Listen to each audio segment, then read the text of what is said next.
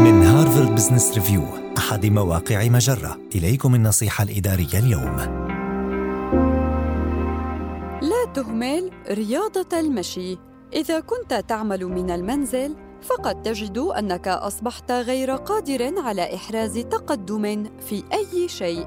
الإصابة بالاحتراق الوظيفي خلال العمل من المنزل أمر واقعي. لذلك من المهم أن تفعل ما في وسعك لتحفيز نفسك طوال يوم العمل. لا تقلل من أهمية التنزه سيرا على الأقدام وفيما يلي خمسة أسباب تجعل المشي مرتبطا بهدف.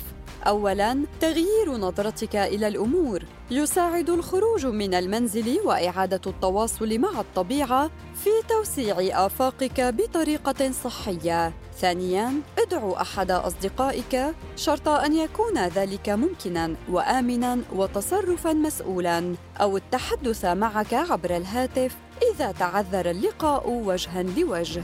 ثالثا التعلم.